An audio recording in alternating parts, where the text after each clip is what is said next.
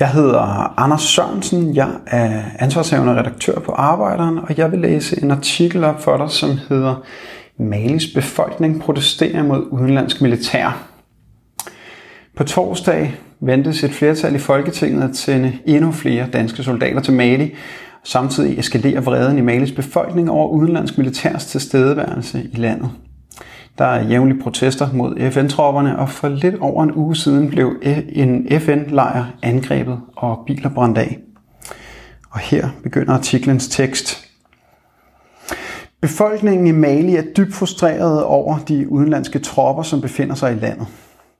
Der bliver løbende arrangeret demonstrationer imod den udenlandske militær tilstedeværelse i landet, og for bare en uge siden angreb demonstranter en lejr drevet af FN's mission i Mali, MINUSMA. Det fremgår af et svar fra udenrigsminister Jeppe Kofod. Senest udviklede en demonstration den 12. oktober 2019 mod en minusmalejr i Savare i det centrale Mali sig og endte med, at demonstranter trængte ind på basen og blandt andet plyndrede et lager og brændte to af Minusmas biler af, skriver udenrigsministeren blandt andet i et svar til enhedslistens Eva Flyvholm i forbindelse med, at et stort flertal i Folketinget på torsdag ventes at vedtage to beslutningsforslag om at sende danske soldater til Mali. Alene i perioden januar til september 2018 har FN's MINUSMA-mission registreret 155 angreb mod FN-soldater og franske soldater, og mere end 30 soldater og civile fra FN's MINUSMA-mission er blevet dræbt af væbnede grupper i samme periode. Samlet set er der i befolkningen i Mali en frustration over manglende fremdrift i fredsbestræbelserne som forbedring af levevilkår.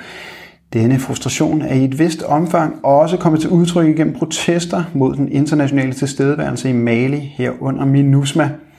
I den forbindelse har der i Bamako, hovedstaden i Mali, været demonstrationer, som typisk har haft et mere generelt udtryk om utilfredshed og som overvejende har været fredelige. Desuden har der været protester i de nordlige regioner, som har været rettet mod MINUSMA. Regionen vil Nej, undskyld. Regeringen vil fra november 2019 til ultimo 2020 sende et transportfly og 75 soldater til FN's mission MINUSMA i landet. Blandt det danske bidrag af tolke og IT-specialister, der skal indhente informationer og indgå i en tysk efterretningsenhed. Herudover vil regeringen sende to kamphelikoptere og 70 soldater samt to stabsofficerer til den, fransk, til den franske såkaldte antiterrorindsats i Mali, også kaldet Operation Barkhane. De danske styrker i Mali skal støtte det lokale regimes såkaldte kamp mod terrorisme. Transportflyet er ikke bare et transportfly, flyet kan også tage billeder fra luften af eksempelvis oprørsstillinger. Data og fotos fra det danske fly kan deles med Malis militær, så de mere effektivt kan bekæmpe oprørere. Men hvad er det for et regime, som de danske styrker skal være med til at beskytte og samarbejde med? I den seneste rapport fra FN's Menneskeretsråd øh, om situationen i Mali fra januar 2019 advarer FN om, hvordan Malis sikkerhedsstyrker begår omfattende brud på menneskerettighederne. Blandt andet øh, drab, tortur, forsvindinger og tilfældige og ubegrundede arrestationer af civile, der bliver beskyldt for at tilhøre væbnede muslimske grupper i landet. FN opremser i rapporten en række forbrydelser begået af Malis militær, under sine såkaldte antiterroroperationer i landet, herunder henrettelser af civile. Den 19. maj 2018 dræbte soldater fra Malis militær 12 civile i byen Budakesi i Mopti-regionen som hævn for drabet på en soldat. Herudover har Malis forsvarsminister indrømmet, at soldater fra Malis militær har været involveret i drabet på 25 civile den 13. juni 2018 i landsbyen Nantaga i Mopti-regionen. De dræbte blev efterfølgende smidt i en massegrav. Ifølge FN-rapporten har det malisiske militær begået udenomretlige drab på mistænkte. Den 13. august 2018 dræbte soldater fra Malis militær seks civile i landsbyen Doma i Mopti-regionen. I både Irak og Afghanistan er dansk militær kommet i problemer med menneskerettighederne, fordi man har udleveret fanger til regimer, hvor politi og militær mishandler fanger. Nu risikerer dansk militær at stå i en lignende situation i Mali. Forsvarsminister Trine Bremsen kan ikke udelukke, at citat, danske soldater i operationen Barkane vil kunne komme i situationer, hvor danske soldater foretager frihedsberøvelse. Det skriver ministeren i, øh, i et svar. Enhedslisten har bedt ministeren udlevere de retningslinjer, de danske, øh, de danske soldater skal efterleve, når de skal håndtere fanger, eller hvis de oplever mishandling af fanger. Ministeren har endnu ikke kunnet udlevere sådanne retningslinjer, for regeringen skal have lavet en aftale med Malis regering om udlevering af fanger, oplyser forsvarsministeren i sit forløbige svar. I 2017 offentliggjorde FN's udviklingsprogram UNDP en grundig kortlægning af, hvorfor en del af Afrikas unge vælger at tilslutte sig en terrororganisation. FN-rapporten med overskriften Journey to Extremism in Africa konkluderer blandt andet, at soldaters og sikkerhedsstyrkers voldsomme fremfærd i fattige udkantsområder er den vigtigste årsag til, at afrikanske terrorgrupper kan rekruttere nye krigere. 71 procent af de unge fortæller, at myndighedernes drab på en pårørende eller ven, eller arrestation af en pårørende eller ven, har været udslagsgivende. Det er en opsigtsvækkende dokumentation af, hvor direkte skadelige de militære svar kan være, hedder det blandt andet i rapporten. Det faktum, at statslige sikkerhedsstyrker udgør en så massiv faktor med hensyn til rekrutteringen, øger behovet for at styrke menneskerettighederne i disse lande, konstaterer rapporten også. Undersøgelsen bygger på to timers interview med 495 unge mænd mellem 17 og 26 år, der har været aktive i terrorgrupper som Boko Haram, Islamisk Stat og Al-Shabaab. De unge er blevet spurgt ind til deres baggrund og motiver for at kæmpe for terrorgrupperne. Rapporten viser, at der er behov for at skrue ned for den militære indsats og op for udviklingsinvesteringerne, særligt i fattige udkantsområder, hvis vi skal volde ekstremisme til livs, konkluderede UNDP's regionaldirektør for Afrika, Abdullahi Mardai, da rapporten blev offentliggjort. De unge kommer især fra fattige, underudviklede udkantsområder, som i generationer er blevet marginaliseret af den lokale regering – Mindre end hver tredje havde et job, da de meldte sig ind i en terrorbevægelse. På spørgsmålet, hvad der var, mest påtrængende, hvad der var de mest påtrængende behov, før de blev terrorister, svarede de job og sikkerhed.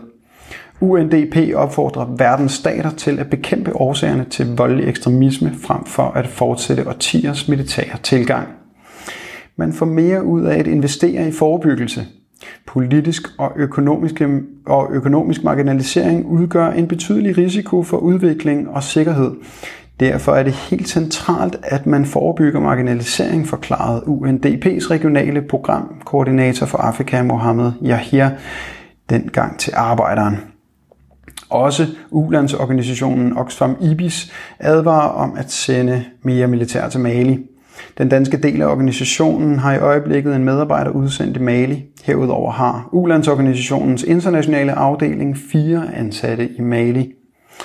Den såkaldte stabiliseringsindsats i Mali svarer til at sætte et lille plaster på et sår, der kræver langt mere grundlæggende behandling. At sende mere militær til Mali viser bare, at det nye folketing og den nye regering fortsætter tidligere tiders tilgang til konflikten. Men, det er des, men der er desværre intet, der tyder på, at det vil virke, siger generalsekretær i Oxfam Ibis Christian Weise til arbejderen. Det er både dyrt og ineffektivt, når Danmark og andre vestlige lande forsøger at løse konflikter med militær indgriben, påpeger han. Siden 2018 er den militære støtte fra lande som Danmark til den franske operation Barkhane og FN-missionen MINUSMA steget kraftigt. Samtidig er volden og ustabiliteten dog også eskaleret, og alt tyder desværre på, at den negative spiral kun bliver værre. Frankrig har mere end 4.000 soldater udstationeret. Det koster over 7,5 milliarder kroner om året, siger han. Han henviser til tal fra Verdensbanken og FN, der viser, at langsigtede investeringer i fredsopbygning og konfliktforebyggelse virker, når man gør noget ved årsagerne til konflikten. For hver 7 kroner, der bliver investeret i fredsopbygning, kan der spares over 100 kroner i omkostninger forårsaget af konflikt og den efterfølgende genopbygning. En af hovedårsagerne til konflikten i Mali er den øgede ulighed i landet. Derfor bør den største indsats være rettet mod den, mener Christian Weisse. Hvis Danmark, FN og de øvrige internationale aktører i konflikten prioriterede langsigtet fredsopbygning, ville chancerne for varig fred være større. Man skal ikke tro, at soldater og endnu mere militært isenkram kan løse de dybere liggende sociale og økonomiske årsager til konflikten. Jeg kan godt forstå, at regeringen gerne vil vise handling, men hvis vi skal konflikten til livs, så er det nogle helt andre håndtag, der skal drejes på, siger han. Ifølge Christian Weise er Malis befolkning især frustreret over, at regeringen ikke investerer nok i den offentlige sektor, over omfattende korruption og et ikke fungerende skattesystem, og hertil kommer et usikkert arbejdsmarked uden helt grundlæggende rettigheder. Desværre er der ikke meget, der tyder på, at Malis regering er villige til at gøre noget ved problemerne, påpeger han. Malis befolkning skal se, at de har en fremtid. Det er det, der skal til for at vende udviklingen. Militære operationer som den franske operation Barkhane er rettet imod at bekæmpe ikke-statslige væbnede grupper. Den er ikke rettet mod at løse de bagvedliggende årsager til konflikten, der blandt andet er en konsekvens af klimakrisen og kampen om retten til jorden, siger han.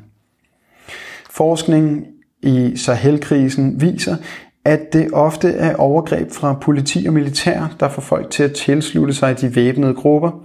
Så i stedet for at fortsætte med den hidtidige fejlslagende tilgang, bør man arbejde på at opbygge tillid og samhørighed imellem de forskellige samfundsgrupper og imellem civilsamfundet og myndighederne.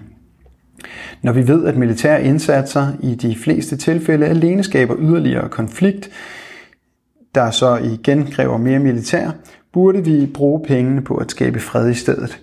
I Danmark burde vi have lært den lektie i Irak og Afghanistan, og det er på tide at prøve en anden tilgang, lyder det fra generalsekretæren i Oxfam Ibis. De danske soldater går en usikker fremtid i møde i Mali. Forsvarets efterretningstjeneste følger udviklingen i landet tæt og vurderer, at sikkerhedssituationen på kort øh, til mellemlang sigt bliver yderligere forringet.